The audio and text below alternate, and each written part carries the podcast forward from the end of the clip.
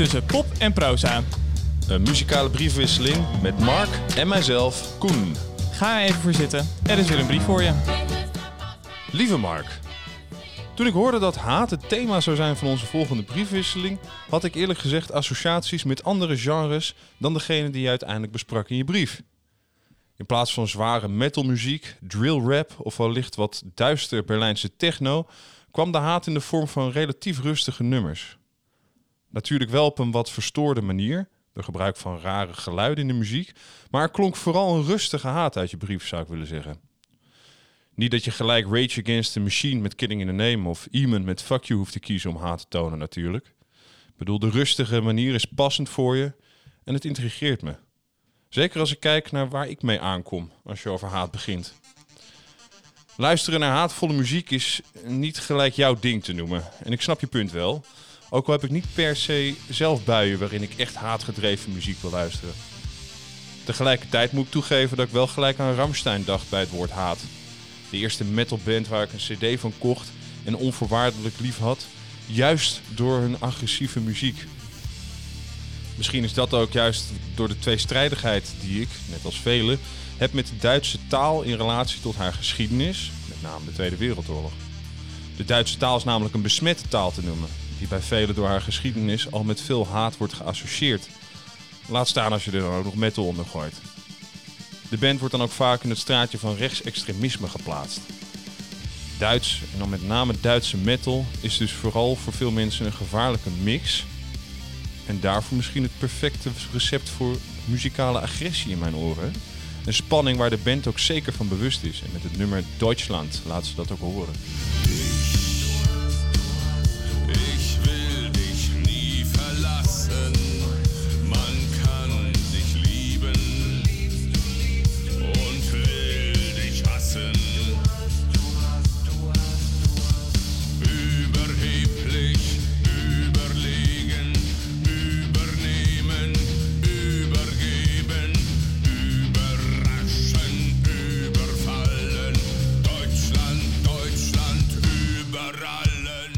Ramstein voelt net als veel Duitsers en anderen dat er een spanning is tussen die liefde van hun land, nationalisme, hè, vaderlandsliefde, hoe je het ook wilt noemen, enerzijds, en de nationale geschiedenis van het land anderzijds. Hoe kan je trots zijn op een land met een geschiedenis als de Duitse, zou je denken? Zeker aangezien deze historie relatief recent nog zo bewogen is geweest. Ja, en het nummer, Deutschland, dat spreekt voor mij daardoor alsof er tegenovergestelde emoties zijn bij het Duitse nationalisme. Liefde en haat.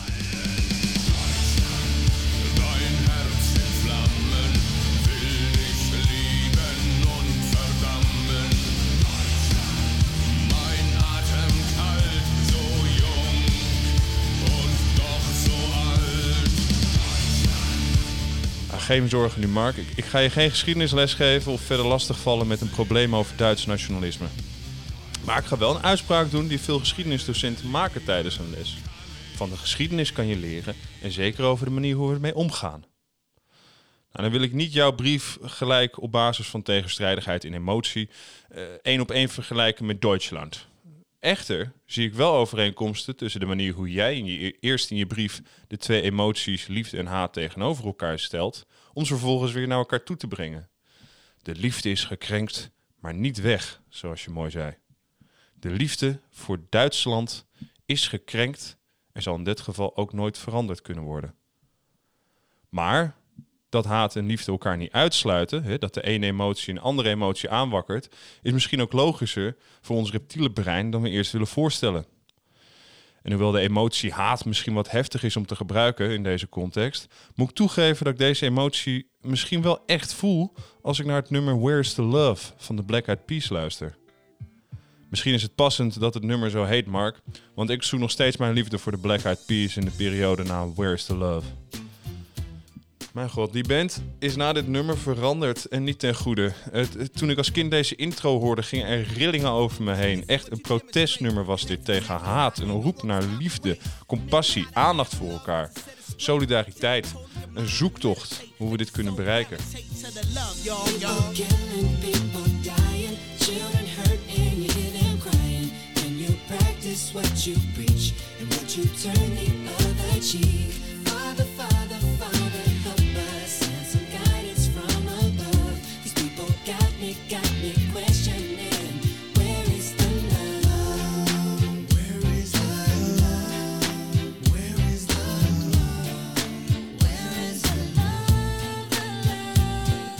Ik was gelijk fan. Ik was gelijk echt, echt zo'n fan van de beat, de teksten, de manier hoe de band zich presenteerde in de videoclip.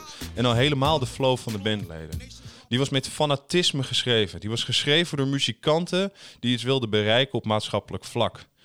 Het was het begin van de oorlogen in het Midden-Oosten. Het nummer kwam uit in 2003. En hoewel ik als tienjarige weinig kon bijdragen aan de strijd tegen deze oorlogen, kon ik wel delen in de haat die ik hoorde in het nummer. De verontwaardiging dat mensen niet eerlijk waren naar elkaar. Structureel bezig waren met zichzelf, met geld. Oorlog voeren. Maar ik denk dat ik als tienjarige ze vooral niet lief vond, naast al die zaken. Maar waarom ik echt haat voelde bij dit nummer, komt door het volgende. Gezongen door J. Ray Soul. Feel the weight of the world on my shoulder. As I'm getting older, your people gets colder. Most of us only care about money making. Selfishness got us following the wrong direction. Wrong information always shown by the media. Negative images is the main criteria. Infecting the young minds faster than bacteria. Kids wanna act like what they see in the cinemas. Yeah. Whatever happened to the values of humanity? Whatever happened to the fairness and equality? Instead of spreading love, we're spreading animosity. Lack of understanding leading us away from unity. That's the reason why sometimes I'm feeling under. That's the reason why sometimes I'm feeling down. It's no wonder why sometimes I'm feeling under. Gotta keep my faith alive till love is found. Ask yourself. Ik ging me echt van alles afvragen naar dit nummer, Mark. En ik werd boos. Ik werd boos op de maatschappelijke ongelijkheid. Ik werd boos op mensen in het algemeen, maar ik werd vooral boos op de Black Eyed Peas. Want dit protestnummer werd in de discografie van de Black Eyed Peas al snel gevolgd door nummers als My Humps en Boom Boom Pow. Dit bracht wel een gevoel van haat naar de band. Eh, Haat omdat ik juist zo gek was op hun eerste werk. Haat dat ze niet verder gingen op de tour die ik leuk vond. En haat op de presentatie van de groep na het eerste album. Want als jij geen idee hebt wie J. Ray Soul is, je zal niet de enige zijn. De beste man heeft als enige lid van de Black Eyed Peas geen Wikipedia-pagina, om maar zo te beginnen. En eh, hoewel die vlammend in het begin was, is hij uiteindelijk naar de achtergrond verdwenen naarmate de Black Eyed Peas bekender raakten. Will I Am en Fergie kwamen op de voorgrond, de rest moest stil meedansen op de achtergrond. En ik snap het niet. Zijn verse in dit nummer, het, het raakt mij altijd. Zeker in combinatie met de clip, waarin hij na een politieachtervolging een verklaring afgeeft, krijg ik bij Ray Soul het idee dat er echt een revolutie, een opstand of iets, iets maatschappelijks, een maatschappelijke kentering op het punt staat te gebeuren. Misschien wat naïef voor een tienjarige, maar ik denk wel haalbaar met het fanatisme en het gevoel van haat van Ray Soul. Haat omdat we gewoon balen van hoe het nu gaat met z'n allen en hoe we hier zijn gekomen. Als menselijk ras en als Black Eyed Peas. Maar goed, na een, geschiedenisles en wat maatschappelijke opvattingen, denk ik dat het thema misschien te erg tastbaar wil maken in de vorm van effecten of implicaties van haat op de wereld. Ik heb nog niet gehad over het gevoel of de emotie van haat zelf. Ik zal proberen om het wat meer onder woorden te brengen. Maar ik merk dat haat bij mij vooral voortkomt uit een mengeling van een soort liefde en teleurstelling. In de vorm dat echt liefde voor mij de teleurstelling is dat ik die liefde niet volledig kan geven. Zeg maar de perfecte wereld waarin mensen lief zijn, de perfecte band, ze zijn niet haalbaar in de noodzakelijke vorm die ik noodzakelijk acht om er puur liefde voor te kunnen geven. En dat brengt bij mij een gevoel van haat. En ik weet niet of we hiermee haat nog duidelijker hebben gemaakt of een betere vorm hebben kunnen geven, Mark. Maar het gaat altijd in mijn optiek om gekrenkte mensen. Een band die hopelijk meer licht kan schijnen op emoties haat, woede, boosheid en de primaire gevoelens die hierbij horen, is met nek en schouders de rachende mannen. En Mark, geen zorgen, ik, het is een rustige versie van het origineel. Dus het is niet keihard, maar het is klassieke rachen. Laat me je wat zeggen. Je maakt iets in me los. Je maakt iets in me wakker. Omschrijven. Dat gaat me moeilijk af. Maar toch wil ik het proberen. Daar heb je immers recht op. Haat komt zo volgens mij heel dicht bij de emotie liefde. Eerlijk, dit, dit kan toch ook het begin zijn van een liefdesverklaring? Als je iemand zoiets in jou losmaakt, zo'n speciaal gevoel als ik, zoals ik het hoor, dan ben je toch geliefd door die persoon. Die persoon ziet je. Hè? Die persoon doet iets met je als mens.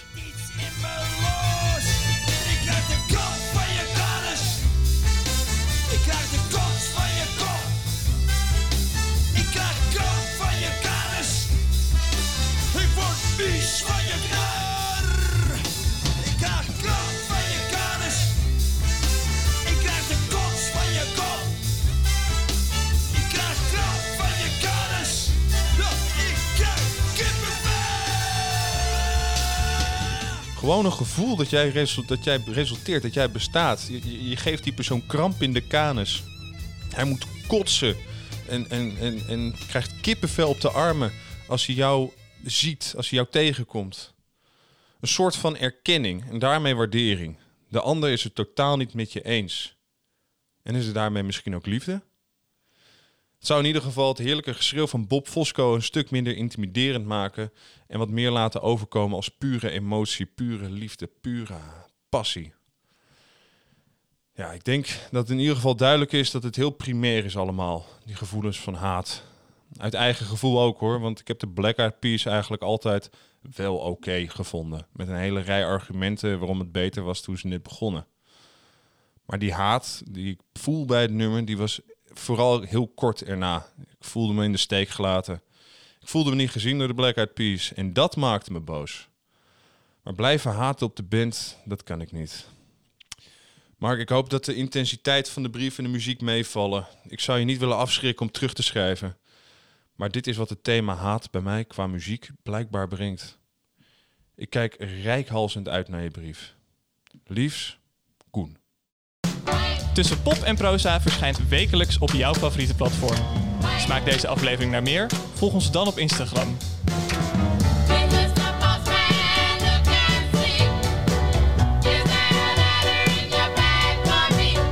Deze podcast is een productie van VU Campus Radio. Wij, Koen Voors en Marc Lamin, zijn de auteurs en producers. De nodige muzieklicenties zijn door VU Campus Radio afgesloten.